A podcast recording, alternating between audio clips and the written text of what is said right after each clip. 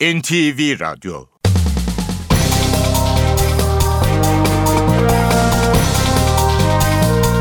İşe Giderken Mutlu sabahlar. Ben Aynur Altunkaş. Bugün 14 Ağustos Perşembe. İşe giderken de Türkiye ve dünya gündemine yakından bakacağız. Önce gündemin başlıkları.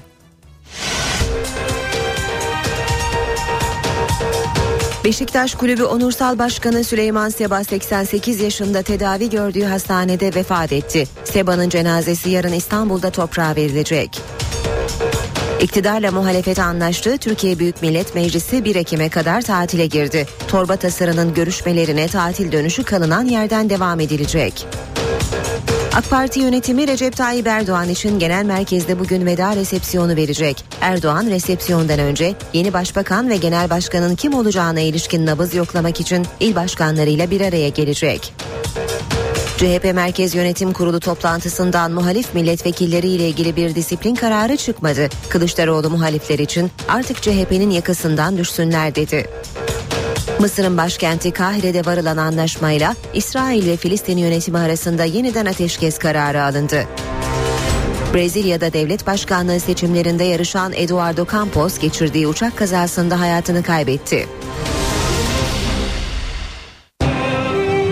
İşe Giderken gazetelerin gündemi.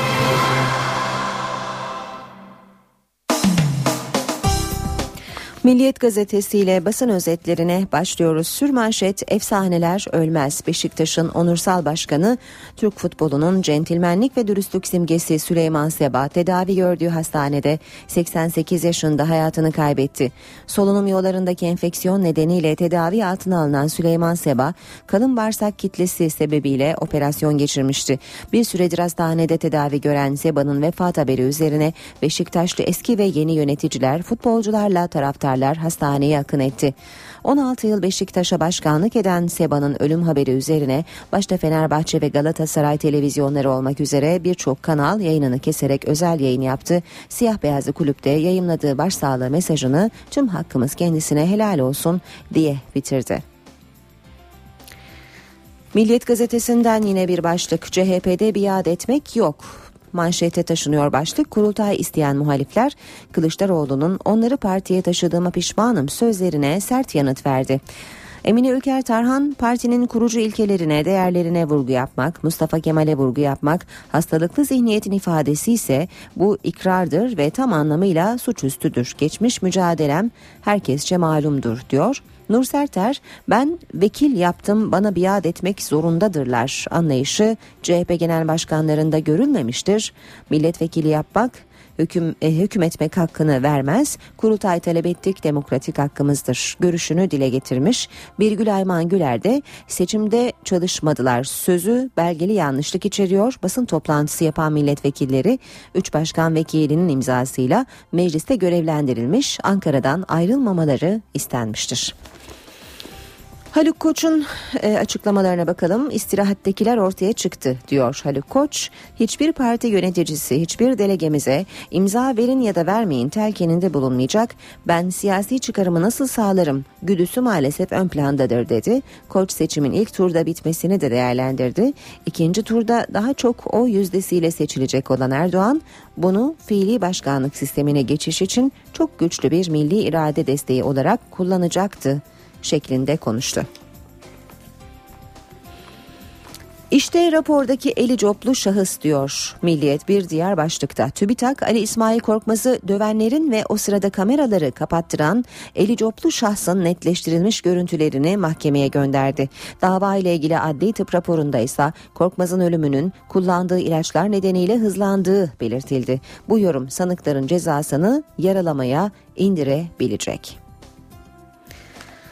Geçelim Hürriyet gazetesine. Hürriyet ilk kare diyor manşette bir fotoğraf yer alıyor e, Hürriyet'in birinci sayfasında. Atatürk Orman Çiftliği arazisinde inşa edilen projesi sır gibi saklanan son rötuşların yapıldığı yeni başbakanlık kampusunun içinden dekorasyon sonrası bir fotoğraf bu. Yine bir başlık hürriyetten 30, 30 Ağustos yeni kabine ile kutlanacak. Erdoğan'ın partisinin yeni genel başkanını ve başbakanı seçmek için başlattığı sürece ilişkin takvim belirlendi. Genel başkan adayının ismi 27 Ağustos sabahına kadar açıklanmayacak. Cumhurbaşkanı Erdoğan'ın yeni başbakan ve yeni kabine ile birlikte katılacağı ilk resmi tören 30 Ağustos olacak. AK Parti'ye uyarı yapılsın. CHP Cumhurbaşkanı seçilen Erdoğan'ın AK Parti üyeliği ve parti genel başkanlığından istifasında ısrar ediyor. CHP milletvekili Atilla Kart Yargıtay Cumhuriyet Başsavcılığına ek dilekçe vererek AK Parti'ye ihtar yazıp durumu düzeltmek zorundasınız. Böylesine anayasaya açıkça aykırı keyfilik ve sorumsuzluk derhal ihtar yazıp uyarmayı gerektirir dedi.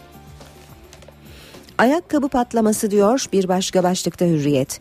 CHP milletvekili Aylin Nazlı Akan'ın mecliste valla şeytan diyor ki çıkar şu ayakkabını fırlat ama bir ayakkabıma bakıyorum bir de sizlere değmez diyorum açıkçası sözleriyle başlayan tartışma büyük yankı yarattı. Nazlı Akaya Twitter'daki kadın takipçilerinden ayakkabı fotoğraflı destek mesajları yağdı. Türkiye'ye girmek artık zor. IŞİD'in Ebu Yusuf Takma adlı üst düzey komutanı Reyhanlı'da verdiği röportajda artık Türkiye'ye girmek kolay değil ben bile kaçakçılar sayesinde geldim dedi. Geçiyoruz sabah gazetesine CHP paramparça diyor e, sabah manşette. Seçim hezimeti sonrasında Kılıçdaroğlu muhalifleri gemileri yaktı. Deniz Baykal olağanüstü kongre için düğmeye bastı diyor sabah manşetinde. İsrail'in roketi ateşkeste de öldürdü. İsrail'in daha önce attığı roket mermisi ateşkes sırasında patladı. 5 e, kişi öldü diyor sabah ve haberin devamında da yaralı 18 Gazze'linin tedavi için Ankara'ya getirildiği bilgisi yer alıyor.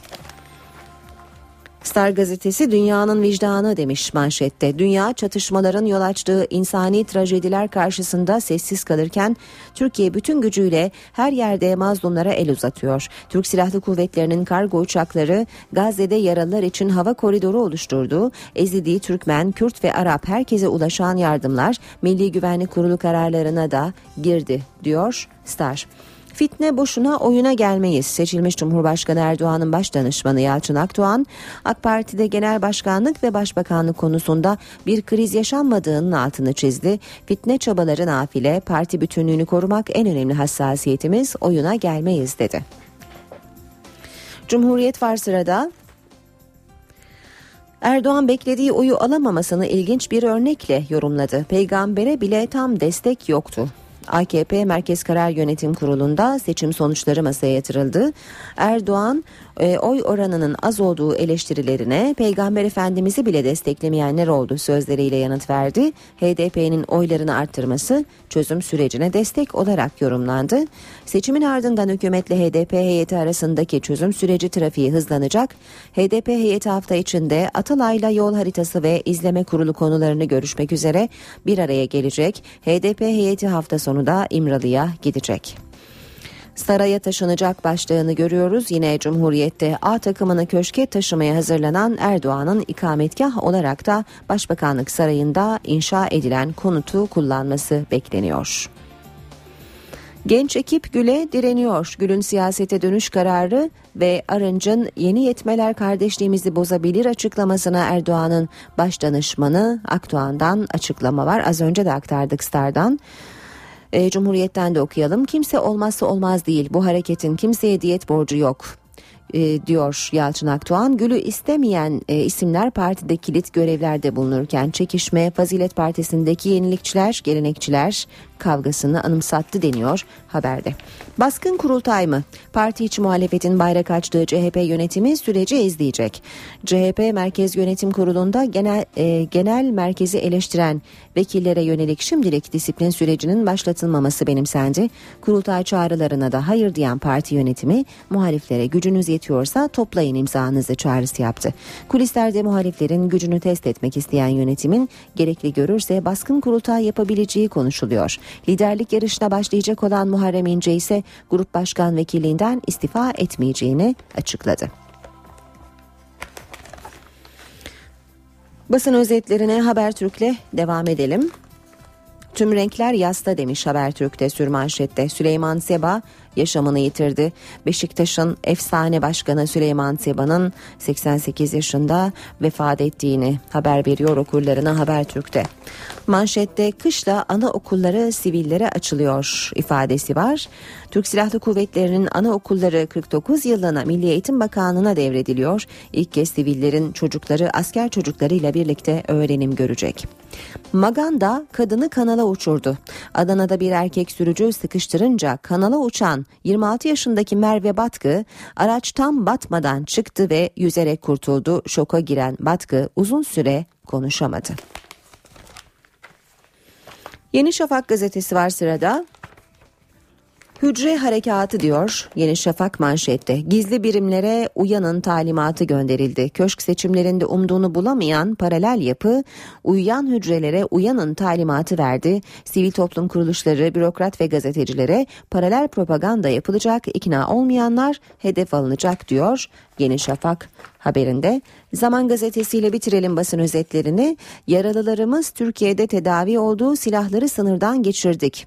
IŞİD'in Türkiye'deki faaliyetleriyle ilgili şoke edici bir haber yayımlayan Washington Post, örgütün bu güce ulaşmasında Ankara'nın payı olduğunu yazdı diyor Zaman gazetesi haberinde. NTV Radyo Saat 7.15 işe giderken de beraberiz. Türk futbolu efsane isimlerinden birini kaybetti. Beşiktaş Kulübü Onursal Başkanı Süleyman Seba 88 yaşında vefat etti. Uzun süredir çeşitli sağlık sorunları bulunan Seba'nın durumu bir ay önce ağırlaşmıştı. Sporda zarafet ve nezaketin bence en önemli temsilcisiydi.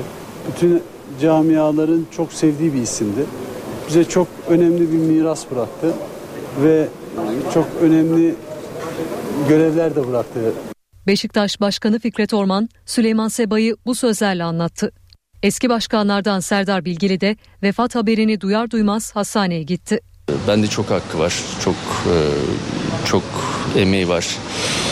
E, hakkını helal etsin. E, Allah rahmet eylesin ve camiamızın başı sağ olsun. Futbol camiasına Süleyman abi gibi bir insanın bir daha geleceğini düşünmüyorum. Beşiktaş'ın eski kaptanları da üzgündü. Beşiktaş'ın başı sağ olsun.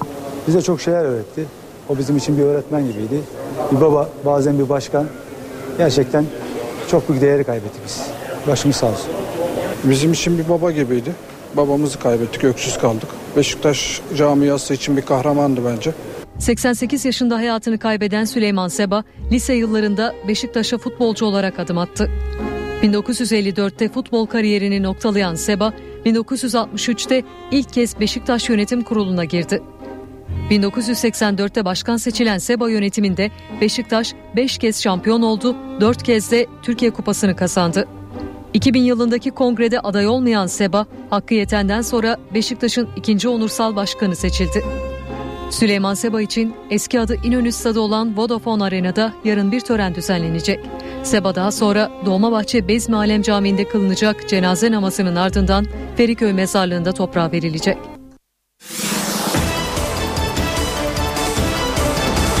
İşe giderken.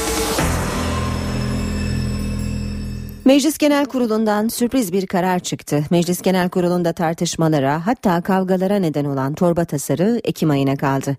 İktidar ve muhalefetin anlaşması üzerine Genel Kurul 1 Ekim'e kadar tatile girdi. İki gün önce çalışma süresini 24 Ağustos'a kadar uzatma kararı alan Genel Kurul, danışma kurulu kararıyla torba tasarının 5. bölümünün kabul edilmesiyle tatile girdi.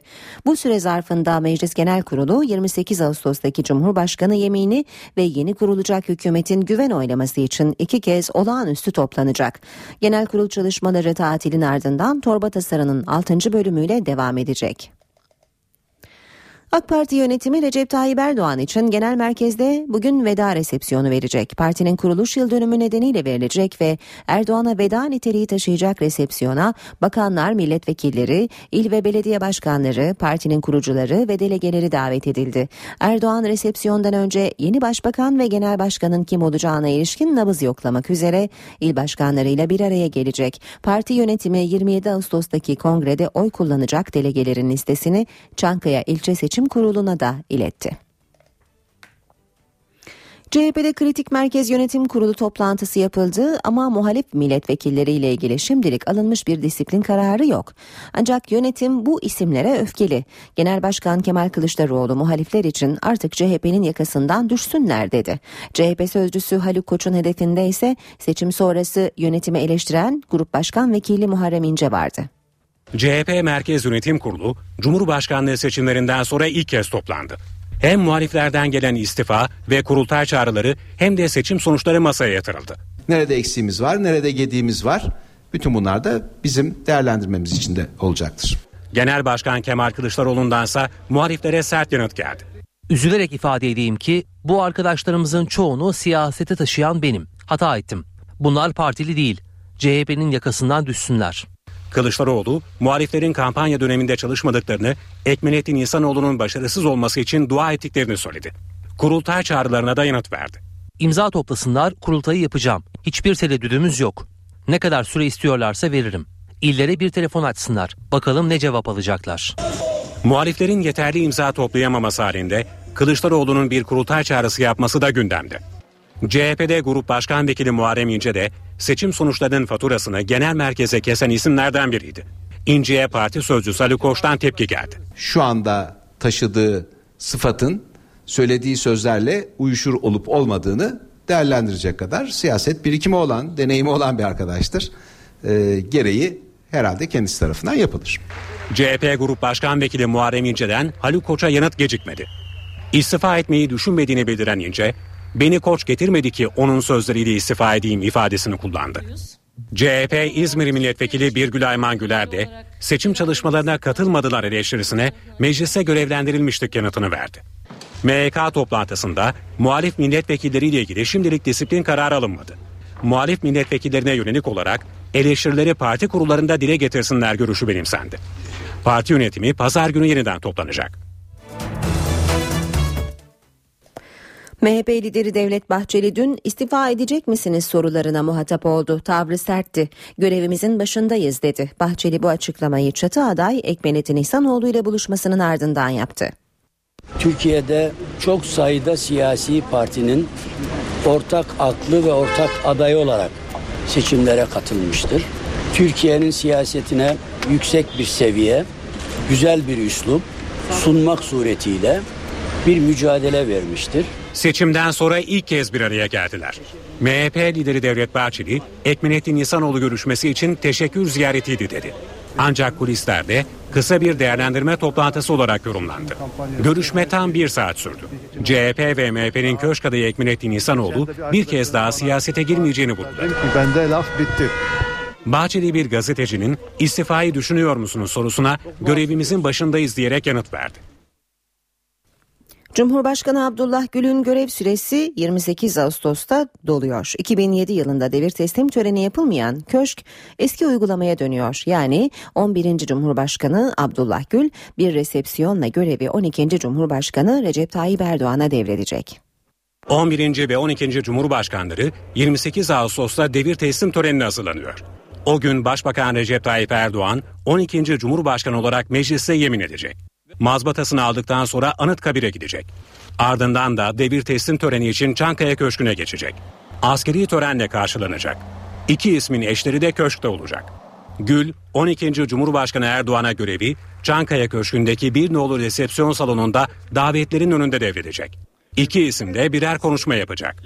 Ardından Erdoğan, Gül'ü kapıya kadar geçirerek 11. Cumhurbaşkanı'nı köşkten uğurlayacak. Erdoğan Gül'ü uğurladıktan sonra köşkteki iki nolu salonda resepsiyon verecek. O resepsiyona devlet erkanı davetli. Bu Erdoğan'ın 12. Cumhurbaşkanı sıfatıyla vereceği ilk resepsiyon olacak. İkinci resepsiyonsa 30 Ağustos'ta. Davetiyeler zaten hazırdı. Ancak henüz gönderilmedi. Davetli listesini Erdoğan'ın ekibi hazırlıyor. Erdoğan nihai onayı verdikten sonra davetiyeler postalanacak. Erdoğan da görevi devralmasından sadece iki gün sonra eşi Emine Erdoğan'la birlikte ilk kez 30 Ağustos Zafer Bayramı'na ev sahipliği yapacak. Cumhurbaşkanı Abdullah Gül Milli Güvenlik Kurulu'na da veda etti. Gül'ün son kez başkanlık ettiği toplantıda gündem çözüm süreci Irak, Suriye ve Gazze'de yaşananlardı. Cumhurbaşkanı Abdullah Gül'ün son kez başkanlık ettiği Milli Güvenlik Kurulu toplantısı bir buçuk saatte bitti. Recep Tayyip Erdoğan'ın da son kez başbakan sıfatıyla katıldığı toplantı, Yüksek Askeri Şura toplantısında emekliye sevk edilen Jandarma Genel Komutanı için de veda niteliği taşıdı. Gül toplantıda Milli Güvenlik Kurulu'nun devletin güvenliğine yaptığı katkıyı takdirle karşıladığını belirtti ve kurul üyelerine veda etti. Kurulun ana gündem maddesi ise Irak'ta yaşanan gelişmelerdi. Toplantıda yoğunlaşan çatışmaların bölgeye ve Türkiye'ye etkileri müzakere edildi. IŞİD tarafından alıkonulan Musul Başkonsolosu personelinin durumları değerlendirildi. Toplantıda İsrail'in Gazze operasyonu da konuşuldu. Bildiride sürdürülebilir ateşkesin Gazze için uygulanan kısıtlamaların tamamen kaldırılmasıyla mümkün olabileceği belirtildi. Gazze yönelik insani yardımlar artırılarak devam edecek denildi. Toplantıda çözüm sürecinin sahadaki yansımaları da değerlendirildi. Ayrıca Cumhurbaşkanlığı seçimlerinin huzur ve güven içinde gerçekleşmesinden duyulan memnuniyet dile getirildi. İsrail'in Gazze'ye yönelik saldırılarında yaralanan 18 Filistinli daha Türkiye'ye getirildi. Türk Hava Kuvvetleri'nin ambulans uçağıyla getirilen yaralıları ve yakınlarını Başbakan Yardımcısı Beşir Atalay ile Sağlık Bakanı Mehmet Müezzinoğlu karşıladı. İsrail'in Gazze'ye yönelik saldırılarında yaralanan Filistinlilerin Türkiye'ye sevki sürüyor. Gazze'den getirilen 18 kişilik ikinci yaralı grubu taşıyan uçak akşam saatlerinde Esenboğa Havalimanı'na indi. Beşi çocuk, biri hamile, 18 yaralı Gazze'li Yeni Mahalle Devlet Hastanesi'ne kaldırıldı. Yaralıları Esenboğa Havalimanı'nda Başbakan Yardımcısı Beşir Atalay ve Sağlık Bakanı Mehmet Müezzinoğlu karşıladı. Yaralımızla ilgili gelmeden önce bütün tıbbi değerlendirmeleri yapıldı ve bütün hastalarla ilgili tedavi yol haritası ve tedavi ekipleri e, hazırlandı ve inşallah bu akşamdan itibaren de tedavileri yapılmaya başlanacak. Filistinli yaralılar Türk Hava Kuvvetleri'ne ait ambulans uçakla taşındı. İlerleyen günlerde 40 kişilik kafileler halinde Türkiye'ye yaralı sevki devam edecek. Sayı biraz daha fazla olacaktı. 40 civarı olacaktı ama orada formaliteler, engellemeler çok fazla. Yani bunların izninin alınması, kontrolü İsrail tarafından vesaire ancak 18'i şu anda getirilebildi. Diğerleriyle ilgili de inşallah o çabalarımız yine e, sürecek. 18 yaralıyla birlikte gelen 15 refakatçi de hastaneye yakın bir misafirhanede tercümanlar eşliğinde konaklayacak. Tel Aviv'den pazartesi günü de 4 ağır yaralı Gazze'li Ankara'ya getirilmişti. Mısır'ın başkenti Kahire'de İsrail ve Filistin yönetimi arasındaki barış görüşmelerinden yeni bir ateşkes kararı çıktı. Taraflar ateşkesi 5 gün uzatma konusunda uzlaştı. Yeni ilan edilen 5 günlük ateşkes boyunca taraflar Kahire'de kalıcı bir barış anlaşması sağlamak için müzakereleri sürdürecek.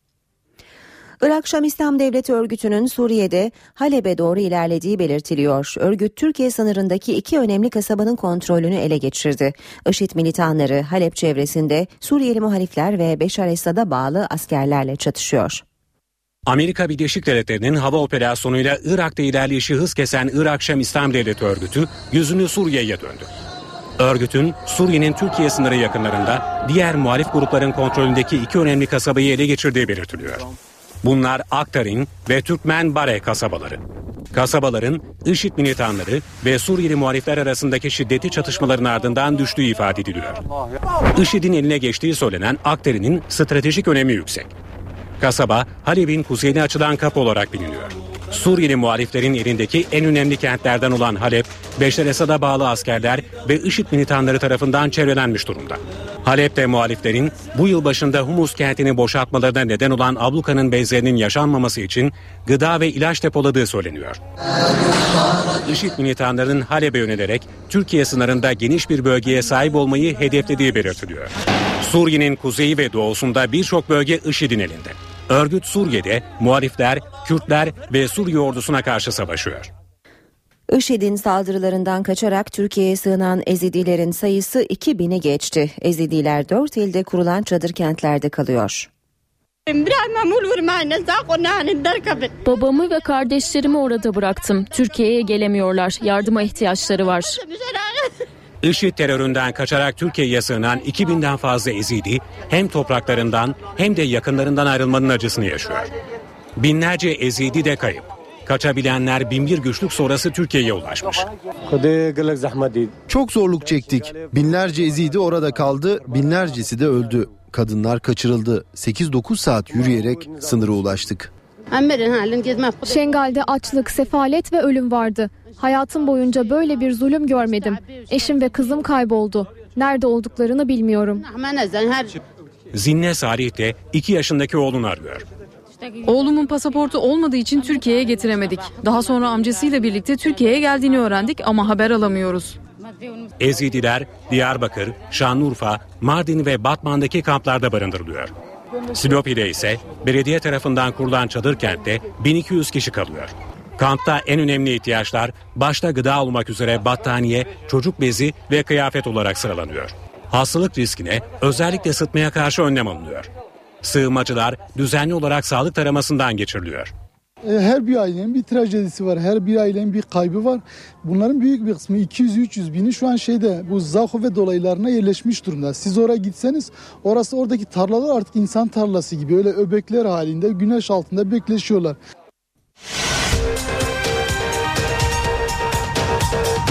Beşiktaş Kulübü Onursal Başkanı Süleyman Seba 88 yaşında tedavi gördüğü hastanede vefat etti. Seba'nın cenazesi yarın İstanbul'da toprağa verilecek. İktidarla muhalefet anlaştı. Türkiye Büyük Millet Meclisi 1 Ekim'e kadar tatile girdi. Torba tasarının görüşmelerine tatil dönüşü kalınan yerden devam edilecek. AK Parti yönetimi Recep Tayyip Erdoğan için genel merkezde bugün veda resepsiyonu verecek. Erdoğan resepsiyondan önce yeni başbakan ve genel başkanın kim olacağına ilişkin nabız yoklamak için il başkanlarıyla bir araya gelecek. CHP Merkez Yönetim Kurulu toplantısından muhalif milletvekilleriyle ilgili bir disiplin kararı çıkmadı. Kılıçdaroğlu muhalifler için artık CHP'nin yakasından düşsünler dedi. Mısır'ın başkenti Kahire'de varılan anlaşmayla İsrail ve Filistin yönetimi arasında yeniden ateşkes kararı alındı. Brezilya'da devlet başkanlığı seçimlerinde yarışan Eduardo Campos geçirdiği uçak kazasında hayatını kaybetti.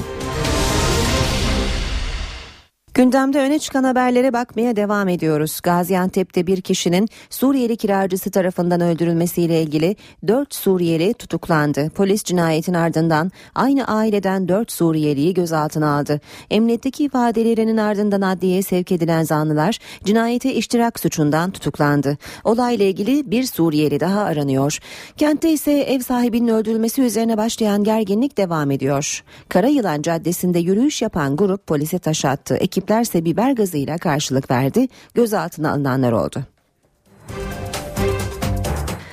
Emniyetteki paralel yapı operasyonu kapsamında hakkında yakalama kararı çıkarılan polislerden biri tutuklandı. 9 polise teslim olmadı. Salı günü adliyeye gelen polislerin sorgusu bir günü aşan bir zamanda sona erdi. Nöbetçi İstanbul Suh Ceza Hakimliği 3 polisi yurt dışına çıkış yasağı şartıyla serbest bıraktı. Bir polisi tutuklandı. Serbest kalmalarına savcılıkça itiraz edilen 17 polisten adliyeye gelerek teslim olan ve haklarındaki yakalama kararı kaldırılan polis sayısı 8 oldu.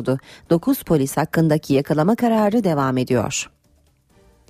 Şanlıurfa'da iki motorcunun ölümüyle ilgili soruşturmayı yürüten özel ekip cinayeti çözdü. Zanlı Hasan Y üzerinde ölen motorcuların tişörtü ve saatiyle yakalandı. Şanlıurfa'da iki motorcuyu öldürdüğü şüphesiyle bir kişi tutuklandı. Öldürülen motorcuların tişörtü ve kol saatiyle yakalanan zanlı cinayeti itiraf etti. Halfeti'de Engin Öksüz ve Abdullah Türk'ün metruk bir evde ölü bulunmasının ardından oluşturulan 20 kişilik özel ekip 150 polisle bölgede araştırma yaptı. Kentteki 100 metruk ev incelendi. Mobese kayıtları izlendi. Ekipler görüntülerde motosiklet kullanan bir kişinin metruk ev yakınından geçtiğini belirledi. Bunun üzerine 3 ilçede 17 bin motosiklet incelemeye alındı. Şüpheli motosikletin fren diskinin sol tarafta olduğunu belirleyen ekipler görüntüdeki motosikleti ilçedeki tamircilere gösterdi. Motosikletin 39 yaşındaki Hasan Yılmaz'a ait olduğu belirlendi. Şüphelinin köyüne motosikleti satın alma bahanesiyle giden polisler şüphelinin üzerinde motorculara ait tişört ve saat olduğunu fark etti. Hasan Yılmazer gözaltına alındı. Zanlının evinde öldürülen motorculara ait eşya bulundu. Sorgusunda cinayeti itiraf eden zanlı iki motorcudan para ve malzemelerini istediğini, olumsuz yanıt alınca silahla öldürdüğünü anlattı. Öldürülen Engin Öksüz'ün babası Hasan Öksüz'e göre ise cinayet para için işlenmedi. Benim çocuğum zaten onlara istese verirdi ki onlara. Yani motorunu da istese verirdi ki. Ben bunun bu adamın tek başına yaptığını pek inanmıyorum. Emniyetteki sorgusunun ardından adliyeye sevk edilen Hasan Yılmazer tutuklandı. Türkiye Büyük Millet Meclisi'nde önceki gün başlayan ayakkabı tartışması dün de devam etti. Bu kez CHP'li Aylin Nazlı Akay'la AK Partili Gülşen Orhan karşı karşıya geldi. Çok pahalı ayakkabıyla binlerce liralık ayakkabısıyla kadın şiddetine yöneliyor. Ayakkabı 3 yıl önce ucuzluktan aldığım bir ayakkabıydı ucuzluktan. Ama size o ayakkabıyı bile atmaya, sizlere o ayakkabıyı bile atmaya değer bulmadım. Meclis Genel Kurulu'nda bir kez daha ayakkabı tartışması yaşandı. Şeytan diyor ki çıkar şu ayakkabını fırlat. Ama bir ayakkabıma bakıyorum, bir sizlere bakıyorum değmez diyorum açıkçası. Evet değmez. Salı günü CHP'li Aylin Nazlı Aka sözünü kesen AK Parti milletvekillerine tepki göstermişti. AK Parti milletvekili Gülşen Orhan, Nazlı Aka'nın tavrını eleştirdi. Bir kadının çıkıp bu kürsüde ayakkabısıyla insanları tehdit etmesi ne demektir? Bu Türk kadınına yakışmaz, Kürt kadınına yakışmaz, bu Anadolu'nun hiçbir kadınına yakışmaz değerli dostlar. Tartışma bu sefer ayakkabının fiyatı üzerinden devam etti. Çıkıp burada kadına yönelik şiddeti insanlara anlatmaya çalışıyor ve burada bir yanlışlık olduğunu ifade etmeye çalışıyor bütün agresifliğiyle. Bir söz vardır bilir misiniz? Nice insanlar gördüm üzerinde elbiseleri yoktu. Nice elbiseler gördüm içinde insanlar yoktu. İşte benim insan tanımım onurlu bir duruşa sahip olmaktır. Nijerya'dan İstanbul'a gelen ve Ebola şüphesiyle karantinaya alınan bir anne ile oğlunda Ebola çıkmadı. Yüksek ateş ve kusma belirtileri görülen anneye sıtma teşhisi konuldu. Nijerya'nın Lagos kentinden İstanbul'a gelen anne ve oğlunda Ebola virüsü yok. Açıklama Sağlık Bakanlığı'ndan geldi. Uçakta rahatsızlanan 34 yaşındaki annede görülen kusma ve yüksek ateş belirtileri Ebola şüphesine neden oldu. Pilotun çağrısıyla anne ve oğlu uçağın içinden alınarak Haseki Eğitim ve Araştırma Hastanesi'ne götürüldü. Uçaktaki bütün yolcular da tahliye edildi. Olası virüs riskine karşı da uçak dezenfekte edildi.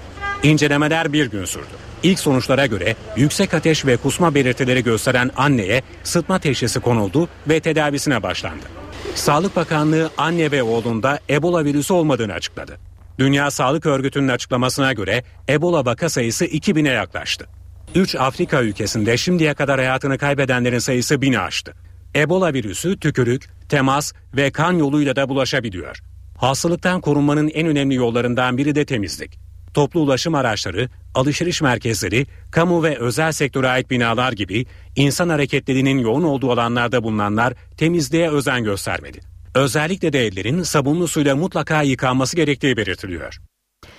Adana'da bir sürücü diğer bir sürücü tarafından sıkıştırılınca otomobiliyle kanala uçtu, ölümden döndü.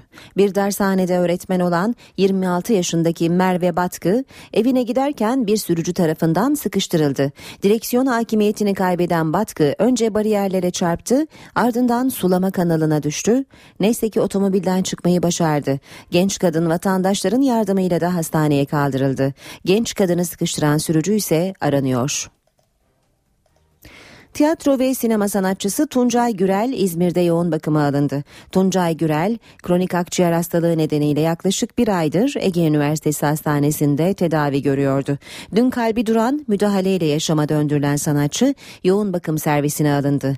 Tosun Paşa filminde canlandırdığı Küçük Enişte Bekir karakteriyle ünlenen Gürel birçok televizyon dizisinde de rol aldı.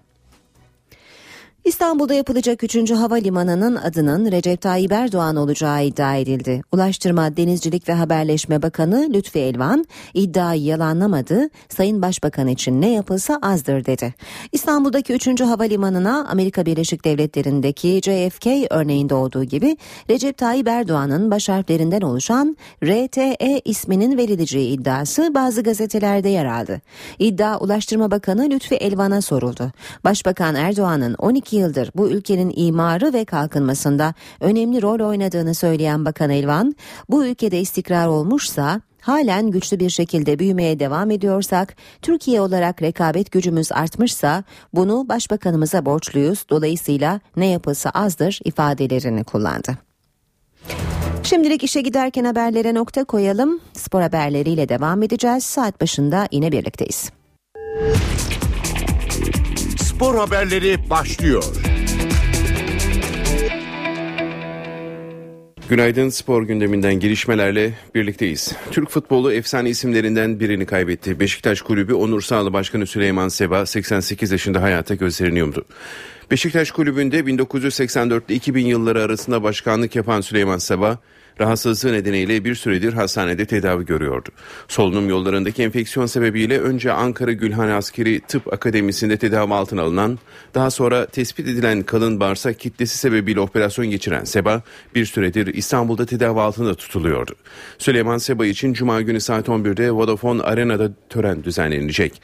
Efsane Başkan'ın cenazesi Dolmabahçe Camii'nde cuma namazını mütakip kılınacak. Cenaze namazının ardından Feriköy mezarlığında toprağa verilecek. Efsane Başkan'a Allah'tan rahmet diliyoruz. Spor camiasına, futbol camiasına, sevenlerine. Gerçi sevmeyen yoktu Büyük Başkan'ın. Herkese başsağlığı diliyoruz. NTV Radyo Spor Servisi olarak. Beşiktaş Kulübü Başkanı Fikret Orman, Onur Sağlı Başkan Süleyman Seba'nın vefatından büyük üzüntü duyduklarını söyledi. Duygularını NTV Spor'la paylaşan Orman, Seba'ya layık olmaya çalışacaklarını söyledi. Süleyman abi çok önemli bir insandı. Yani Türk sporuna kattıkları, e, Beşiktaş'a verdiklerinin haricinde Türk sporu açısından bakacak olursak bütün camiaların, bütün kulüplerin çok saygı duyduğu gerçek bir spor abidesi, bir spor adamıydı. Ee, bize çok şeyler öğretti. Camiamıza çok şeyler kattı. Bence sporuna da çok şeyler kattı. Ee, ve nezaketin, zerafetin temsilcisi oldu Türk sporunda. Ee, her şeyle alakalı kulübünün menfaatini savunurken bile hiçbir zaman zerafetinden ve nezaketinden taviz vermeyen bir insandı. Çok şeyler öğrendik. Ee, hayat, ölüm hepimiz için var. Allah gani gani rahmet eylesin. Süleyman abi de mukayese olmak bizim haddimiz olan bir şey değil. Süleyman abi e, çok özel bir e, kişiydi. Şu anda ülkemizin de e, futbol kulüplerinin bütçeleri açısından eskiye nazaran çok büyük bütçeler, çok büyük gelirlerle yönetiyoruz. O zamanlarını ben tabi babamla beraber de e, Süleyman abi aynı dönemde yöneticilik de yaptılar. O dönemleri ben gayet iyi yaşadım bilirim. Yokluklar içerisinde bir şeyler yapmaya çalışan insanlardı. E, Beşiktaş'ın o senelerce Markus tarihi şampiyon olmamış e, bir zamanı vardı. Onu değiştiren çok önemli bir insandı.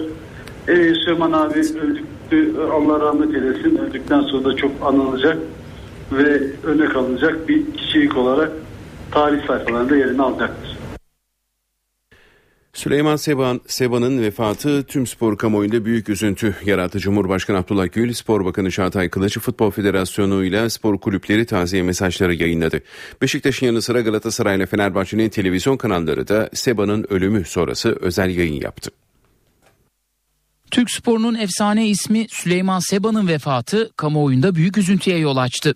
Cumhurbaşkanı Abdullah Gül yayınladığı başsağlığı mesajında Süleyman Seba beyefendi duruşu, yapıcı ve müspet yaklaşımı, etik değerlere verdiği önem, insana ve rakiplerine duyduğu saygı, onlarla kurduğu sıcak ilişkilerle tüm spor camiasında sembol olmuş, taraflı tarafsız herkesin sevgisini kazanmış örnek bir kişilikti. Eylemleri ve söylemleriyle sporun bir dostluk ve kardeşlik olduğunu ortaya koyan Süleyman Seba her zaman saygıyla hatırlanacaktır. Görüşlerine yer verdi. Başbakan Recep Tayyip Erdoğan ise taziye mesajında efsane başkan Süleyman Seba sadece Beşiktaşlıların değil tüm Türkiye'nin sevgisini ve saygısını kazanmış, Türk futboluna çok değerli hizmetlerde bulunmuş önemli bir spor adamıdır ifadesine yer verdi. Gençlik ve Spor Bakanı Akif Çağatay Kılıç mesajında merhum Süleyman Seba hiç şüphesiz ki sadece Beşiktaş için değil ülkemiz sporu adına da çok önemli bir spor adamıydı. Takım ayrımı olmaksızın her kesimin saygı gösterdiği merhum Süleyman Seba'ya Allah'tan rahmet, yakınlarına ve başta Beşiktaş ailesi olmak üzere tüm spor camiasına başsağlığı diliyorum dedi. Türkiye Futbol Federasyonu da internet sitesinden taziye mesajı yayınlarken yurt dışında bulunan Başkan Yıldırım Demirören NTV Spor'a yaptığı açıklamada Türk sporu Süleyman Seba gibi çok değerli bir ismini kaybetti. Çok üzgünüm futbol ailesinin başı sağ olsun dedi. Beşiktaş'ın ezeli rakiplerinden Galatasaray ile Fenerbahçe'nin televizyon kanalları Seba'nın ölümünden sonra yayınlarını keserek Beşiktaş Onursal Başkanı için özel yayın yaptı. Galatasaray'ın internet sitesindeki taziye mesajında ülkemiz sportmenlik ve centilmenlik dendiğinde akla ilk gelen isimlerden birini çok değerli bir spor adamını kaybetmiştir. Süleyman Seba ismi Türk sporuna yaptığı katkılarla sonsuzluğa kazanacak, her daim hatırlanacaktır denildi. Kulüp Başkanı Ünal Aysal ise Galatasaray camiası olarak Beşiktaş Onursal Başkanı Süleyman Seba'yı kaybetmenin büyük hüznünü yaşıyoruz. Kendisi Türk sporuna yaptığı hizmetler ve sportmen duruşuyla ilelebet hatırlanacaktır açıklamasını yaptı. Fenerbahçe'nin açıklamasında Türk futboluna kazandırdığı değerlerle daima hatırlanacak ve hiçbir zaman unutulmayacak Sayın Süleyman Seba'ya Allah'tan rahmet, ailesine, Beşiktaş Spor Kulübü'ne, Türk spor camiasına ve tüm sevenlerine başsağlığı dileriz denildi. Trabzonspor Kulübü'nden de Türk futbolunun önemli ismi Beşiktaş Kulübü'nün onursal başkanı Süleyman Seba'nın hayatını kaybettiği haberini üzüntüyle öğrenmiş bulunmaktayız. Açıklaması yapılarak başsağlığı dilendi. Süper Lig'de yer alan diğer kulüplerin yanı sıra diğer liglerde yer alan pek çok kulüpte Süleyman Seba'nın vefatı nedeniyle başsağlığı mesajı yayınladı. Beşiktaş Kulübü Onursal Başkanı Süleyman Seba'nın vefatı siyah beyazların eski teknik direktörü Gordon Mill'de de büyük üzüntü yarattı. Seba'nın başkanlığı döneminde Beşiktaş'ı 6,5 yıl çalış Beşiktaş'ta 6,5 yıl 6,5 yıl çalışan ve müzesine 3 şampiyonluk kupası taşıyan İngiliz teknik adam Gordon Mill'in vefat haberinin dönemin yöneticisi Erhan Soylu'dan öğrendi. İngiliz çalıştırıcı Türkiye muhteşem bir insanını kaybetti, acım çok büyük ifadelerini kullandı. Bu haberimizle spor bültenimizi tamamlıyoruz. İyi günler diliyoruz. NTV Radyo. Herkese yeniden günaydın. İşe giderken de yeni saati karşılıyoruz. Birazdan Gökhan Abur'la konuşacağız. Önce gündemin başlıkları.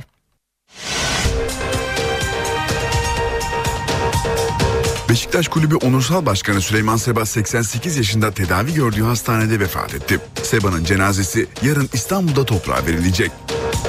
İktidarla muhalefet anlaştı. Türkiye Büyük Millet Meclisi 1 Ekim'e kadar tatile girdi. Torba tasarının görüşmelerine tatil dönüşü kalınan yerden devam edilecek.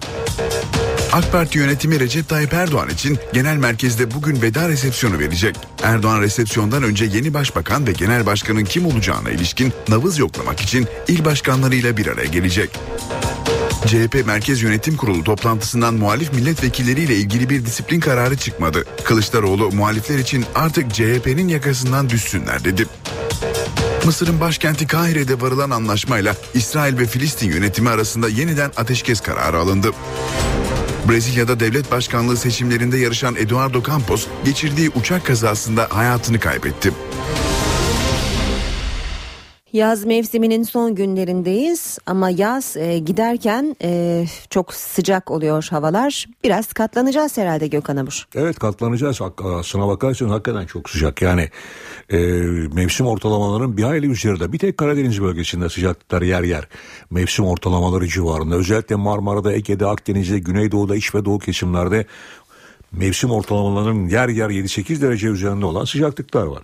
Evet bugün de bugün de sıcaklıklar yükselmeye devam edecek. Düne göre daha yüksek sıcaklıklar var.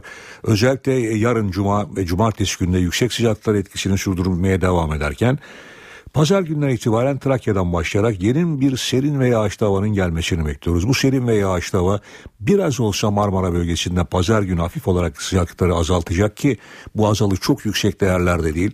Ama pazartesi salı günü özellikle salı günü Ege'de Akdeniz'de iç kesimlerde sıcaklıklar 4-5 derece azalarak en azından mevsim ortalamalarına inmeye çalışacak.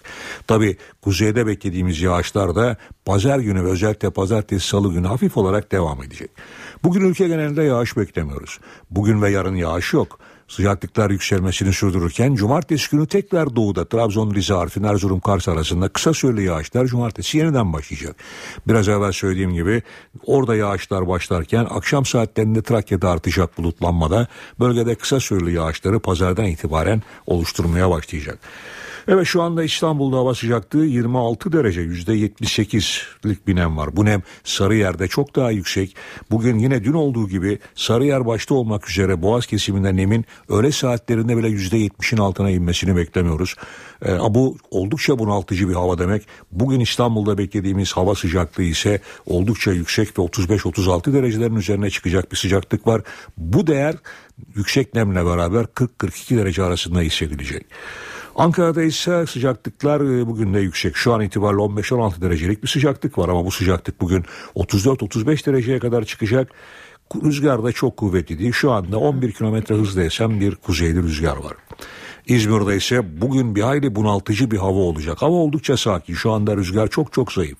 Nem oranı %73. Sıcaklık 22-23'lere doğru geldi. Bugün 37'ye kadar çıkmasını bekliyoruz ama bu sıcaklık İzmir başta olmak üzere Ege'nin hemen hemen bütün kıyı kesimleri ve iç kesimlerinde yer yer 40 dereceler civarında hatta yer yer 40 derecenin üzerinde hissedilecek.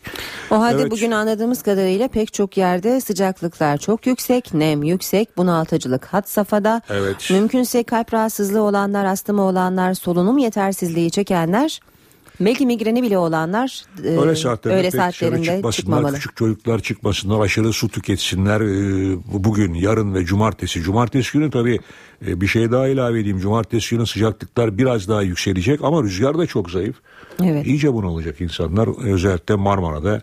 Ee, ama pazar günü inşallah rahatlayacağız. Peki dediğim gibi artık yazın son günleri e, belki de artık son sıcakları hissediyoruz. Sıcağı sevenler yaşadı, e, diğerleri de biraz daha katlanacaklar artık. Gökhan Abur teşekkürler. Ben teşekkür ediyorum.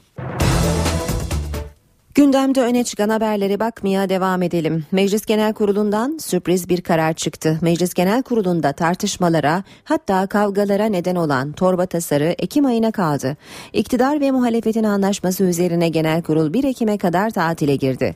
İki gün önce çalışma süresini 24 Ağustos'a kadar uzatma kararı alan Genel Kurul, danışma kurulu kararıyla torba tasarının 5. bölümünün kabul edilmesiyle tatile girdi. Bu süre zarfında Meclis Genel Kurulu 28 Ağustos'taki Cumhurbaşkanı yemini ve yeni kurulacak hükümetin güven oylaması için iki kez olağanüstü toplanacak. Genel kurul çalışmaları tatilin ardından torba tasarının 6. bölümüyle devam edecek. AK Parti yönetimi Recep Tayyip Erdoğan için genel merkezde bugün veda resepsiyonu verecek. Partinin kuruluş yıl dönümü nedeniyle verilecek ve Erdoğan'a veda niteliği taşıyacak resepsiyona bakanlar, milletvekilleri, il ve belediye başkanları, partinin kurucuları ve delegeleri davet edildi. Erdoğan resepsiyondan önce yeni başbakan ve genel başkanın kim olacağına ilişkin nabız yoklamak üzere il başkanlarıyla bir araya gelecek. Parti yönetimi 27 Ağustos'taki kongrede oy kullanacak delegelerin listesini Çankaya İlçe Seçim Kurulu'na da iletti. CHP'de kritik merkez yönetim kurulu toplantısı yapıldı ama muhalif milletvekilleri ile ilgili şimdilik alınmış bir disiplin kararı yok. Ancak yönetim bu isimlere öfkeli. Genel Başkan Kemal Kılıçdaroğlu muhalifler için artık CHP'nin yakasından düşsünler dedi. CHP sözcüsü Haluk Koç'un hedefinde ise seçim sonrası yönetimi eleştiren Grup Başkan Vekili Muharrem İnce vardı. CHP Merkez Yönetim Kurulu, Cumhurbaşkanlığı seçimlerinden sonra ilk kez toplandı. Hem muhaliflerden gelen istifa ve kurultay çağrıları hem de seçim sonuçları masaya yatırıldı. Nerede eksiğimiz var, nerede gediğimiz var. Bütün bunlar da bizim değerlendirmemiz için de olacaktır. Genel Başkan Kemal Kılıçdaroğlu'ndansa muhaliflere sert yanıt geldi. Üzülerek ifade edeyim ki bu arkadaşlarımızın çoğunu siyasete taşıyan benim. Hata ettim. Bunlar partili değil. CHP'nin yakasından düşsünler. Kılıçdaroğlu, muhaliflerin kampanya döneminde çalışmadıklarını, Ekmelettin İhsanoğlu'nun başarısız olması için dua ettiklerini söyledi. Kurultay çağrılarına da yanıt verdi. İmza toplasınlar, kurultayı yapacağım. Hiçbir tereddüdümüz yok. Ne kadar süre istiyorlarsa veririm. İllere bir telefon açsınlar. Bakalım ne cevap alacaklar. Muhaliflerin yeterli imza toplayamaması halinde Kılıçdaroğlu'nun bir kurultay çağrısı yapması da gündemde. CHP'de Grup Başkan Vekili Muharrem İnce de seçim sonuçlarının faturasını genel merkeze kesen isimlerden biriydi. İnce'ye parti sözcüsü Ali Koç'tan tepki geldi. Şu anda taşıdığı sıfatın söylediği sözlerle uyuşur olup olmadığını değerlendirecek kadar siyaset birikimi olan, deneyimi olan bir arkadaştır. Ee, gereği herhalde kendisi tarafından yapılır. CHP Grup Başkan Vekili Muharrem İnce'den Haluk Koç'a yanıt gecikmedi. İstifa etmeyi düşünmediğini bildiren İnce, beni Koç getirmedi ki onun sözleriyle istifa edeyim ifadesini kullandı. CHP İzmir Milletvekili Birgül Ayman Güler de seçim çalışmalarına katılmadılar eleştirisine meclise görevlendirilmiştik yanıtını verdi. MYK toplantısında muhalif milletvekilleriyle ilgili şimdilik disiplin kararı alınmadı. Muhalif milletvekillerine yönelik olarak eleştirileri parti kurullarında dile getirsinler görüşü benimsendi. Parti yönetimi pazar günü yeniden toplanacak. MHP lideri Devlet Bahçeli dün istifa edecek misiniz sorularına muhatap oldu. Tavrı sertti. Görevimizin başındayız dedi. Bahçeli bu açıklamayı çatı aday Ekmelettin İhsanoğlu ile buluşmasının ardından yaptı. Türkiye'de çok sayıda siyasi partinin ortak aklı ve ortak aday olarak seçimlere katılmıştır. Türkiye'nin siyasetine yüksek bir seviye, güzel bir üslup sunmak suretiyle bir mücadele vermiştir. Seçimden sonra ilk kez bir araya geldiler. MHP lideri Devlet Bahçeli, Ekmenettin İhsanoğlu görüşmesi için teşekkür ziyaretiydi dedi. Ancak kulislerde kısa bir değerlendirme toplantısı olarak yorumlandı. Görüşme tam bir saat sürdü. CHP ve MHP'nin köşk adayı Ekmenettin İhsanoğlu bir kez daha siyasete girmeyeceğini vurguladı. Bende laf bitti. Bahçeli bir gazetecinin istifayı düşünüyor musunuz sorusuna görevimizin başındayız diyerek yanıt verdi. Emniyetteki paralel yapı operasyonu kapsamında hakkında yakalama kararı çıkarılan polislerden biri tutuklandı, 9 polis de teslim olmadı. Salı günü adliyeye gelen polislerin sorgusu bir günü aşan bir zamanda sona erdi. Nöbetçi İstanbul Suh Ceza Hakimliği 3 polisi yurt dışına çıkış yasağı şartıyla serbest bıraktı, bir polise tutuklandı. Serbest kalmalarına savcılıkça itiraz edilen 17 polisten adliyeye gelerek teslim olan ve haklarındaki yakalama kararı kaldırılan polis sayısı 8 oldu. 9 polis hakkındaki yakalama kararı devam ediyor. 2009 yılında İstanbul dahil 5 ilde internet iletişiminin mahkeme kararıyla izlendiği ortaya çıktı. Belge emniyete yönelik casusluk ve yasa dışı dinleme soruşturması kapsamında polis raporuna girdi. Ulaştırma, Denizcilik ve Haberleşme Bakanı Lütfi Elvan her türlü iddianın üzerine gidildiğini söyledi. 2009 tarihli belge İstanbul Özel Yetkili 13. Ağır Ceza Mahkemesi'nin verdiği bir elektronik izleme kararı. 3 aylığına verilen izinle polis İstanbul, Kocaeli, Sakarya, Tekirdağ ve Edirne'deki herkesin internet iletişimini izledi. Bu kararla elektronik posta adreslerine erişildi, adres ve kimlik bilgileri talep edildi. Mahkeme bu izni eski istihbarat şube müdürü Erol Demirhan'ın talebi üzerine verdi. Demirhan terör örgütlerine ve organize suç çetelerine karşı yürüttükleri çalışmaları gerekçe göstererek elektronik izleme talebinde bulundu. Belge İstanbul Emniyet Müdürlüğü'nde yasa dışı dinleme yapıldığı iddiasına ilişkin soruşturmada ortaya çıktı. Talepte bulunan eski istihbarat şube müdürü Demirhan, emniyet görevlilerine yönelik yürütülen soruşturma kapsamında tutuklandı. Ulaştırma, Denizcilik ve Haberleşme Bakanı Lütfi Elvan, yasa dışı dinlemelerle ilgili her türlü iddianın üzerine gidildiğini açıkladı. Yasa dışı dinlemelere yönelik ne varsa, kim ne yaptıysa yargı önünde bunların hesabı teker teker verilecek. Kimse bundan kaçamaz. Bu kadar net söylüyorum. Hiçbir şekilde yasa dışı dinlemelere müsamaha edilmesi söz konusu olamaz. Gaziantep'te bir kişinin Suriyeli kiracısı tarafından öldürülmesiyle ilgili 4 Suriyeli tutuklandı. Polis cinayetin ardından aynı aileden 4 Suriyeliyi gözaltına aldı. Emniyetteki ifadelerinin ardından adliyeye sevk edilen zanlılar cinayete iştirak suçundan tutuklandı. Olayla ilgili bir Suriyeli daha aranıyor. Kentte ise ev sahibinin öldürülmesi üzerine başlayan gerginlik devam ediyor. Karayılan Caddesi'nde yürüyüş yapan grup polise taş attı. Ekiplerse biber gazıyla karşılık verdi. Gözaltına alınanlar oldu. İki anne Arzu Oral ve Mülkiye Kılınç kısa süre sonra bebekleriyle birlikte cezaevine girecek. Seslerini duyurmak için mecliste basın toplantısı düzenlediler ve cezalarının ertelenmesini istediler. İkisi 8,5 aylık, diğeri 6 aylık. Özgür, Lorin ve Zeynep anneleriyle birlikte cezaevine girecek. Bebeğimle cezaevine girmek istemiyorum. Hastanenin verdiği rapor cezaevinde kalabilire yönelik bir rapor. O açıdan hani tedirginiz, kaygılıyız, stresliyiz. Haklarında verilen hapis cezaları kesinleştiği için bebekleriyle birlikte cezaevine girecek iki anne Arzu Oral ve Mülkiye Kılınç meclisteydi. 6 aylık Zeynep Simay, CHP milletvekili Melda Onur'un kucağında uyuyakaldı. Bizi duyabilecek olan herkese sesleniyoruz.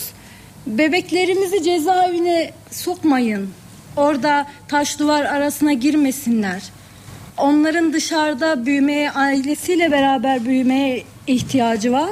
Mülkiye Kılınç kitap yazdığı için Arzu Oral ise bundan 8 yıl önce bir basın açıklamasına katıldığı için ceza aldı. 18'ine kadar e, benim başvurumun görüleceğini e, söylemiş Anayasa Mahkemesi. Benim 4 gün gibi bir sürem var. E, bu sürenin sonunda maalesef bebeğimle cezaevine gireceğiz. Milletvekilleri de Adalet Bakanlığı'nın devreye girmesini istiyor. Adalet Bakanı'nı e, bu işi durdurması için göreve çağırıyoruz. Bu küçük yavrularımızın, çocuklarımızın cezaevinin kötü koşullarında e, yaşamaması, büyümemesi için e, en azından bir yıl daha e, cezaların ertelenmesi gerektiğini ifade etmek istiyorum. İşe giderken. Sıcaklarla birlikte ilk akla gelenlerden biri de yaşanabilecek kuraklık. Şu anda İstanbul'un barajlarındaki doluluk oranı %18,5. Orman ve Su İşleri Bakanı Veysel Eroğlu İstanbullular tedirgin olmasın kuraklığa rağmen suyumuz var diyor. Bazen resim çekiyorlar. Bilhassa Ali Beyköy'deki barajın resmini çekiyorlar. Bu fevkalade yanlış. Bakan Eroğlu, su seviyesi %15'e düşen Ali Beyköy Barajı'ndaki görüntülerin yanıltıcı olduğunu söyledi. Barajların en dip olduğu dönemler Ağustos, Eylül, Ekim aylarıdır. Bunu dikkate almanızı ben rica ediyorum. Dolayısıyla vatandaşları tedirgin etmeyin. Ali Bey barajını aktarma yani transfer barajı olmaktan kurtardık. Bu yüzden kendi havzasındaki suyu topluyor. O kadar su olmaması bile tabii. Bir miktar su varsa bile gerçekten iyi bir şey. Eroğlu Türkiye genelinde kurak bir yıl geçtiğini ve yağışın ortalamaların %17 altında kaldığını hatırlattı. İstanbullulara su güvencesi verdi. Doluluk oranlarımız %18,5'a düştü. Önemli bir şey değil. Yeşilçay regülatöründen İstanbul'a yıl günde 250 bin metreküp su basılıyor şu anda. İki, Sakarya regülatöründen ortalama 700 bin metreküp. Artı Menen'den ortalama 750 bin metreküp su basılıyor. Orman ve Su İşleri Bakanı 2007 yılına kadar içme su ihtiyacının planlandığını, Türkiye geneli içinde su sıkıntısı olmayacağını vurguladı. 8.21 oldu saat işe giderken devam ediyor başkent gündemine bakacağız şimdi karşımızda Özgür Akbaş var günaydın Özgür Günaydın Aynur Türkiye'nin gözü hem başbakanlık hem de cumhurbaşkanlığı koltuğunda bugün de Recep Tayyip Erdoğan için bir veda resepsiyonu var AK Parti tarafından verilecek. Yanı sıra CHP'deki e, son gelişmeler de e, takip edilmeye devam ediyor. Neler aktaracaksın bize gündemden? Aynı öncelikli olarak Ankara gündemine dün gece alınan sürpriz kararı anlatarak başlayalım. Türkiye Büyük Millet Meclisi ani bir kararla 1 Ekim'e kadar tatil edildi. Torba tasarının görüşmeleri devam ediyordu ancak dün iktidar muhalefete tatil önerisini sundu. Muhalefette kabul edince danışma kurulunda imzalar atıldı ve meclis tatile girdi. Aslında çok değil. İki gün önce AK Parti kurmayları meclisi 24 Ağustos'a kadar çalıştırma kararı almıştı. Ancak dün sürpriz bir şekilde meclisin tatile girmesi istendi. Hemen hatırlatalım torba tasarının 5. bölümü tamamlandı. 6. bölüm 1 Ekim'den sonra ele alınacak. Peki meclis neden tatile girdi? Bu bunun detayları bugün ortaya çıkacak gibi gözüküyor ama muhalefete göre bunun en önemli nedeni AK Parti'nin 27 Ağustos'ta yapacağı kongre. O kongre öncesi milletvekillerinin mecliste kulis yapması istenmiyor. Tabii bu muhalefetin görüşü. Tabii e, AK Parti'nin 27 Ağustos'taki kongresi oldukça önemli. AK Parti'nin yeni genel başkanı ve yeni başbakan belirlenecek. E, bu yüzden de e, milletvekilinin kulis yapmasını istemiyor diyor muhalefet milletvekilleri. Bir, bir kez daha tekrarlayayım. Bu muhalefetin görüşü bugün meclisin neden tatile gireceği e, ortaya çıkacak gibi gözüküyor. Evet Türkiye Cumhurbaşkanlığı seçiminin ardından özellikle siyasi anlamda hareketli günler geçiriyor. Salı günü Cumhurbaşkanı Abdullah Gül'ün bir veda resepsiyonu vardı. Bugün ise Başbakan Recep Tayyip Erdoğan bir veda resepsiyonu verecek. Başbakan Erdoğan 28 Ağustos'ta Cumhurbaşkanı olmadan önce Başbakan ve Genel Başkan sıfatıyla AK Parti'ye bir anlamda veda edecek. Resepsiyonu AK Parti yönetimi tarafından düzenlendiğinde söyleyelim. Bugün aynı zamanda AK Parti'nin kuruluş yıl dönümü. Bu yüzden hem partinin kuruluş yıl dönümü hem de Erdoğan'a veda niteliği taşıyacak resepsiyona bakanlar, milletvekilleri, delegeler, il başkanları e, pek çok isim çağrıldı, davet edildi. Bunu da söyleyelim. AK Parti'nin genel merkezin çatı katında düzenlenecek resepsiyona partinin 12 yıllık öyküsü, 12 yıllık serüveni de sinevizyonla e, izletilecek. Hemen şunu da söyleyelim. E, yeni Cumhurbaşkanı Erdoğan resepsiyondan önce sabah saatlerinde ise il başkanlarıyla bir araya gelecek. Yeni başbakan ve genel başkanı bellemek için e, toplantılarını sürdürüyor e, Tayyip Erdoğan. Tek bir isim istiyor. Hem milletvekillerinden hem il başkanlarından da bugün tek bir isim isteyecek. 27 Ağustos'taki kongrede başbakan ve genel başkan e, ismi için. İktidar kanadında yaşananlar böyle. Ana muhalefet kanadında da oldukça hareketlilik var. CHP'de kurultay talepleri var. Partinin ulusalcı kanadından 6 milletvekili CHP lideri Kılıçdaroğlu'nu istifaya çağırdı. Ve kurultayı toplamasını istemişti. Dün Merkez Yönetim Kurulu'ndan 6 milletvekiline çok sert karşılık geldi. Ama şunu söyleyelim Merkez Yönetim Kurulu'nda bir disiplin işlemi olmayacak bu milletvekili için böyle bir karar çıkmadı.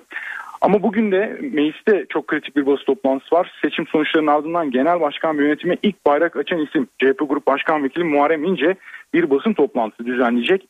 Dün CHP sözcüsü Ali Koç istifaya davet etmişti Muharrem İnce'yi. Ama İnce'nin istifa etmesi beklenmiyor. Dün konuştuk, sorduk. İstifa etmeyeceğini ifade etti.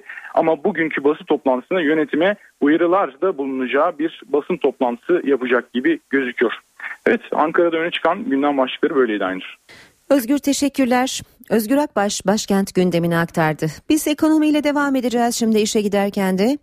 Profesör Doktor Güngör Uras bu sabah bize İstanbul'a gelen ziyaretçi sayısının ne anlama geldiğini anlatacak. Ayşe teyze ne yapsın? Güngör Uras, Ayşe teyze ekonomide olan biteni anlatıyor. Merhaba sayın dinleyenler, merhaba Ayşe Hanım teyze, merhaba Ali Reza Bey amca. İstanbul'a gelen ziyaretçi sayısındaki artış Türkiye ortalamasının üzerinde. Hatta Antalya'dan da yüksek. İstanbul'a gelen ziyaretçi sayısı artarken İstanbul'daki otellerin sayıları ve yatak sayıları da arttı. Yatak sayısı artışı ziyaretçi sayısının önüne geçti. Sonuç olarak otellerin hem doluluk oranı hem de yatakların satış fiyatı düşüyor. Mayıs ayı itibariyle 12 aylık dönemde İstanbul'a gelen ziyaretçi sayısındaki artış %7,8 oranında. Buna karşılık aynı dönemde yeni otellerin devreye girmesiyle yatak kapasitesi bir yılda %13 oranında arttı. Bu ters gelişme sonucu otellerin doluluk oranları %12 oranında azaldı. Otellerin doluluk oranındaki gerilemenin iki önemli nedeni var. Bunlardan biri ziyaretçi sayısındaki artışın otel kullanmayan Arap ülkelerinden gelenlerden oluşması. Aralarında Almanya, İsviçre, İtalya'nın da bulunduğu Avrupa ülkelerinden gelen ziyaretçiler %2 ile %6 oranında azalırken İran ve Arap ülkelerinden gelenlerin sayısında %20 ile %50 oranında artış var. 2010 yılında İstanbul'a gelen toplam ziyaretçiler içinde Arap ülkelerinden gelen ziyaretçilerin payı %10 iken bu oran 2014 yılında %17'ye yükseldi.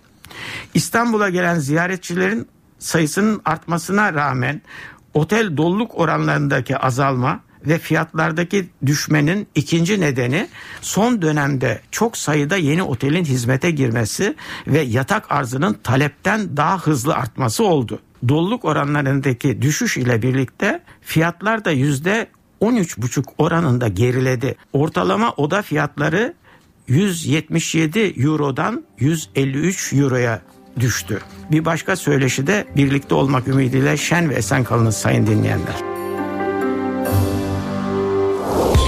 Güngör Uras'a sormak istediklerinizi ntvradio.ntv.com.tr adresine yazabilirsiniz. Kısa bir ara vermeden önce piyasalara bakalım. Borsa İstanbul'da BIST 100 endeksi %0,27 oranında değer kaybetti ve 77.618 puandan kapandı. Bu sabah dolar 2 lira 16 kuruş, euro 2 lira 88 kuruşta, euro dolar 1.34, dolar yen 103 seviyesinde. Altının onsu 1313 dolara yükseldi. Kapalı çarşıda gram altın 93, çeyrek altın 150 liradan alıcı buluyor. Brent petrolün varili 104 dolar. NTV Radyo Beşiktaş Kulübü Onursal Başkanı Süleyman Seba 88 yaşında tedavi gördüğü hastanede vefat etti. Seba'nın cenazesi yarın İstanbul'da toprağa verilecek. İktidarla muhalefet anlaştı. Türkiye Büyük Millet Meclisi 1 Ekim'e kadar tatile girdi. Torba tasarının görüşmelerine tatil dönüşü kalınan yerden devam edilecek. AK Parti yönetimi Recep Tayyip Erdoğan için genel merkezde bugün veda resepsiyonu verecek. Erdoğan resepsiyondan önce yeni başbakan ve genel başkanın kim olacağına ilişkin nabız yoklamak için il başkanlarıyla bir araya gelecek. CHP Merkez Yönetim Kurulu toplantısından muhalif milletvekilleriyle ilgili bir disiplin kararı çıkmadı. Kılıçdaroğlu muhalifler için artık CHP'nin yakasından düşsünler dedi. Mısır'ın başkenti Kahire'de varılan anlaşmayla İsrail ve Filistin yönetimi arasında yeniden ateşkes kararı alındı. Brezilya'da devlet başkanlığı seçimlerinde yarışan Eduardo Campos geçirdiği uçak kazasında hayatını kaybetti. Gündemde öne çıkan haberlere bakmaya devam edelim. Sağlık Bakanlığı Türkiye'nin 2013'teki kadın şiddet haritasını çıkardı. Kayıtlara göre 2013'te 13 bin kadın erkek şiddetinin mağduru oldu. En çok şiddet vakası İzmir'de yaşanırken Doğu illeri son sıralarda yer aldı. Türkiye'de 2013 yılında 12.946 kadın şiddet mağduru oldu. En çok şiddet vakası İzmir'de yaşandı. Sağlık Bakanı Mehmet Müezzinoğlu, MHP'li Ruhsar Demirel'in kadına yönelik şiddet eylemleri ve alınan önlemlere ilişkin önergesini yanıtladı. Buna göre 2013'te kadına karşı şiddetin en çok görüldüğü il 1213 vakayla İzmir oldu. İzmir'i Bursa, Ankara ve Tekirdağ takip etti. İstanbul 396 vakayla son sıralarda yer aldı. Mursa bir vakayla en az şiddet olayının yaşandığı il oldu. Gördüğü şiddet nedeniyle hayatını kaybeden kadınlarsa ölüm kayıtlarında bu şekilde bir tasnif yapılmadığı için listelenmedi. Müezzinoğlu, kadına karşı şiddetle mücadele kapsamında yürütülen çalışmaları da anlattı. Bu kapsamda 65 bin sağlık personeline eğitim verildiğini belirtti. Tüm hastanelerin acil servislerinde psikososyal destek ve krize müdahale birimleri oluşturulduğunu hatırlattı. Irak Şam İslam Devleti örgütünün Suriye'de Halep'e doğru ilerlediği belirtiliyor. Örgüt Türkiye sınırındaki iki önemli kasabanın kontrolünü ele geçirdi. IŞİD militanları Halep çevresinde Suriyeli muhalifler ve Beşar Esad'a bağlı askerlerle çatışıyor. Amerika Birleşik Devletleri'nin hava operasyonuyla Irak'ta ilerleyişi hız kesen Irak Şam İslam Devleti örgütü yüzünü Suriye'ye döndü. Örgütün Suriye'nin Türkiye sınırı yakınlarında diğer muhalif grupların kontrolündeki iki önemli kasabayı ele geçirdiği belirtiliyor. Bunlar Aktarin ve Türkmen Bare kasabaları. Kasabaların IŞİD militanları ve Suriyeli muhalifler arasındaki şiddetli çatışmaların ardından düştüğü ifade ediliyor. IŞİD'in eline geçtiği söylenen Aktarin'in stratejik önemi yüksek. Kasaba Halep'in kuzeyine açılan kapı olarak biliniyor. Suriyeli muhaliflerin elindeki en önemli kentlerden olan Halep, Beşer Esad'a bağlı askerler ve IŞİD militanları tarafından çevrelenmiş durumda. Halep'te muhaliflerin bu yıl başında Humus kentini boşaltmalarına neden olan ablukanın benzerinin yaşanmaması için gıda ve ilaç depoladığı söyleniyor. IŞİD militanlarının Halep'e yönelerek Türkiye sınırında geniş bir bölgeye sahip olmayı hedeflediği belirtiliyor. Suriye'nin kuzeyi ve doğusunda birçok bölge IŞİD'in elinde. Örgüt Suriye'de muhalifler, Kürtler ve Suriye ordusuna karşı savaşıyor. IŞİD'in saldırılarından kaçarak Türkiye'ye sığınan Ezidilerin sayısı 2000'i geçti. Ezidiler 4 ilde kurulan çadır kentlerde kalıyor.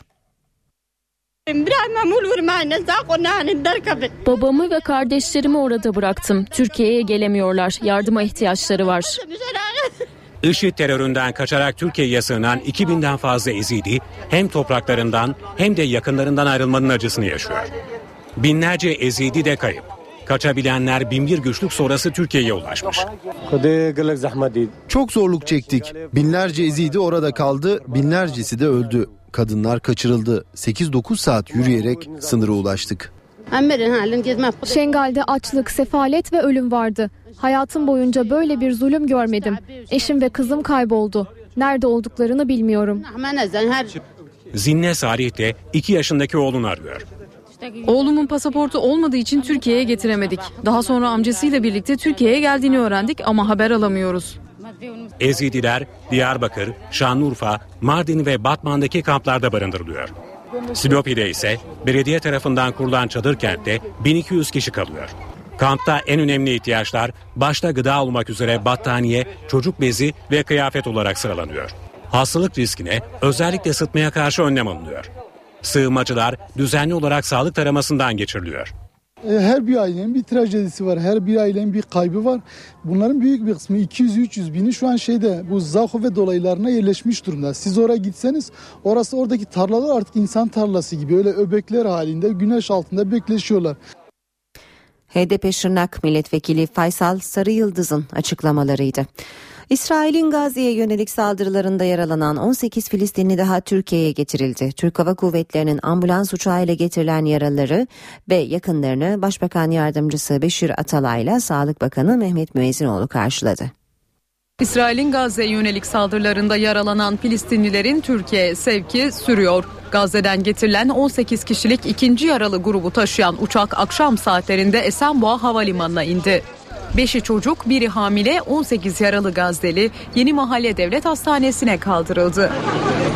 Yaralıları Esenboğa Havalimanı'nda Başbakan Yardımcısı Beşir Atalay ve Sağlık Bakanı Mehmet Müezzinoğlu karşıladı. Yaralımızla ilgili gelmeden önce bütün tıbbi değerlendirmeleri yapıldı ve bütün hastalarla ilgili tedavi yol haritası ve tedavi ekipleri e, hazırlandı ve inşallah bu akşamdan itibaren de tedavileri yapılmaya başlanacak. Filistinli yaralılar Türk Hava Kuvvetleri'ne ait ambulans uçakla taşındı. İlerleyen günlerde 40 kişilik kafileler halinde Türkiye'ye yaralı sevki devam edecek. Sayı biraz daha fazla olacaktı. 40 civarı olacaktı ama e, orada formaliteler, e, engellemeler çok fazla. Yani bunların izninin alınması, kontrolü İsrail tarafından vesaire e, ancak 18'i şu anda getirilebildi. Diğerleriyle ilgili de inşallah o çabalarımız yine e, sürecek. 18 yaralıyla birlikte gelen 15 refakatçi de hastaneye yakın bir misafirhanede tercümanlar eşliğinde konaklayacak. Tel Aviv'den pazartesi günü de 4 ağır yaralı Gazze'li Ankara'ya getirilmişti. Nijerya'dan İstanbul'a gelen ve Ebola şüphesiyle karantinaya alınan bir anne ile oğlunda Ebola çıkmadı. Yüksek ateş ve kusma belirtileri görülen anneye sıtma teşhisi konuldu. Nijerya'nın Lagos kentinden İstanbul'a gelen anne ve oğlunda Ebola virüsü yok. Açıklama Sağlık Bakanlığı'ndan geldi. Uçakta rahatsızlanan 34 yaşındaki annede görülen kusma ve yüksek ateş belirtileri Ebola şüphesine neden oldu. Pilotun çağrısıyla anne ve oğlu uçağın içinden alınarak Haseki Eğitim ve Araştırma Hastanesi'ne götürüldü. Uçaktaki bütün yolcular da tahliye edildi. Olası virüs riskine karşı da uçak dezenfekte edildi. İncelemeler bir gün sürdü. İlk sonuçlara göre yüksek ateş ve kusma belirtileri gösteren anneye sıtma teşhisi konuldu ve tedavisine başlandı. Sağlık Bakanlığı anne ve oğlunda Ebola virüsü olmadığını açıkladı. Dünya Sağlık Örgütü'nün açıklamasına göre Ebola vaka sayısı 2000'e yaklaştı. 3 Afrika ülkesinde şimdiye kadar hayatını kaybedenlerin sayısı 1000'i aştı. Ebola virüsü tükürük, temas ve kan yoluyla da bulaşabiliyor. Hastalıktan korunmanın en önemli yollarından biri de temizlik. Toplu ulaşım araçları, alışveriş merkezleri, kamu ve özel sektöre ait binalar gibi insan hareketlerinin yoğun olduğu alanlarda bulunanlar temizliğe özen göstermedi. Özellikle de ellerin sabunlu suyla mutlaka yıkanması gerektiği belirtiliyor. Uzmanlar Ebola virüsünden korunmak için önerilerini sıralıyor ama diğer yandan salgına çare bulmak için de hummalı bir çalışma içindeler. Ancak bu aşamada Dünya Sağlık Örgütü'nün kullanımına yeşil ışık yaktığı deneysel ilaçlar bile tükenmiş durumda. Batı Afrika'da hızla yayılan Ebola virüsüyle ilgili endişeler artıyor. Dünya Sağlık Örgütü virüsle mücadelede deney aşamasındaki ilaçların kullanımına yeşil ışık yaktı ama bu konuda bir sorun var. Uzmanlar zaten fazla olmayan deneysel ilaçların tükendiğine dikkat çekiyor. Ebola hastası Amerikalı iki doktorun tedavisinde kullanılan Zmap adlı ilacı üreten şirket elinde stok kalmadığını açıkladı. Yetkililer ilacın yeniden üretiminin 2 ya da 3 ay sürebileceğini belirtti. Bu arada virüsün yayıldığı Batı Afrika'da günlük yaşam Ebola'ya göre değişiyor. Sierra Leone'de bütün futbol maçları iptal edildi. Halk tepkili. Bana göre iyi bir karar değil. Benim futbol sevgime darbe vurdular. Yine Sierra Leone ile sınırı kapatınca yığılmalar yaşandı. Bazıları 4 gündür sınırda bekliyor. Gıda ve su sıkıntısı var. Fil dişi sahili ise virüsün ülkeye girişini engellemek için önlemlerini artırıyor. Özellikle de havaalanlarında. Vücut sıvılarıyla bulaşan hastalık Gine, Liberya, Sierra Leone ve Nijerya'da binden fazla can aldı. Yaklaşık 2000 kişi de tedavi görüyor. Ebola teşhisi konulanların %60'ı hayatını kaybediyor. Brezilya'da devlet başkanlığı seçimlerinde yarışan Eduardo Campos geçirdiği uçak kazasında hayatını kaybetti. İnişe geçtiği sırada evlerin üzerine düşen uçaktaki diğer 6 kişi de yaşamını yitirdi. Latin Amerika ülkesi Brezilya dün meydana gelen uçak kazasıyla sarsıldı. Devlet başkanı adaylarından Eduardo Campos'un özel uçağı Santos kentinde inişe geçtiği sırada evlerin üzerine düştü. Kaza sırasında bölgedeki hava şartlarının kötü olduğu açıklandı. İlk amacımız bedenlere ulaşmak ama bu o kadar da kolay değil. Çarpma anı sonrası uçağın enkazı geniş bir alana yayıldı. Kazada Campos'un yanı sıra iki mürettebat ve dört yolcu da yaşamını yitirdi. Brezilya Sosyalist Partisi'ni yöneten 49 yaşındaki siyasetçi Ekim ayında yapılacak devlet başkanlığı seçiminde anketlere göre 3. sıradaydı. Brezilya Devlet Başkanı Dilma Rousseff, ülkemiz genç bir liderini kaybetti dedi. Brezilya genç bir liderini ve umut vadeden bir siyasetçisini yitirdi.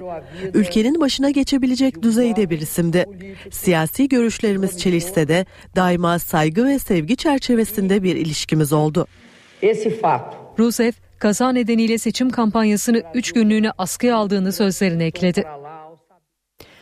Amerika Birleşik Devletleri'nde yaz yağmurları hayatı olumsuz etkiliyor. Aniden bastıran aşırı yağışlar ülkenin birçok eyaletinde su baskınlarına neden oldu.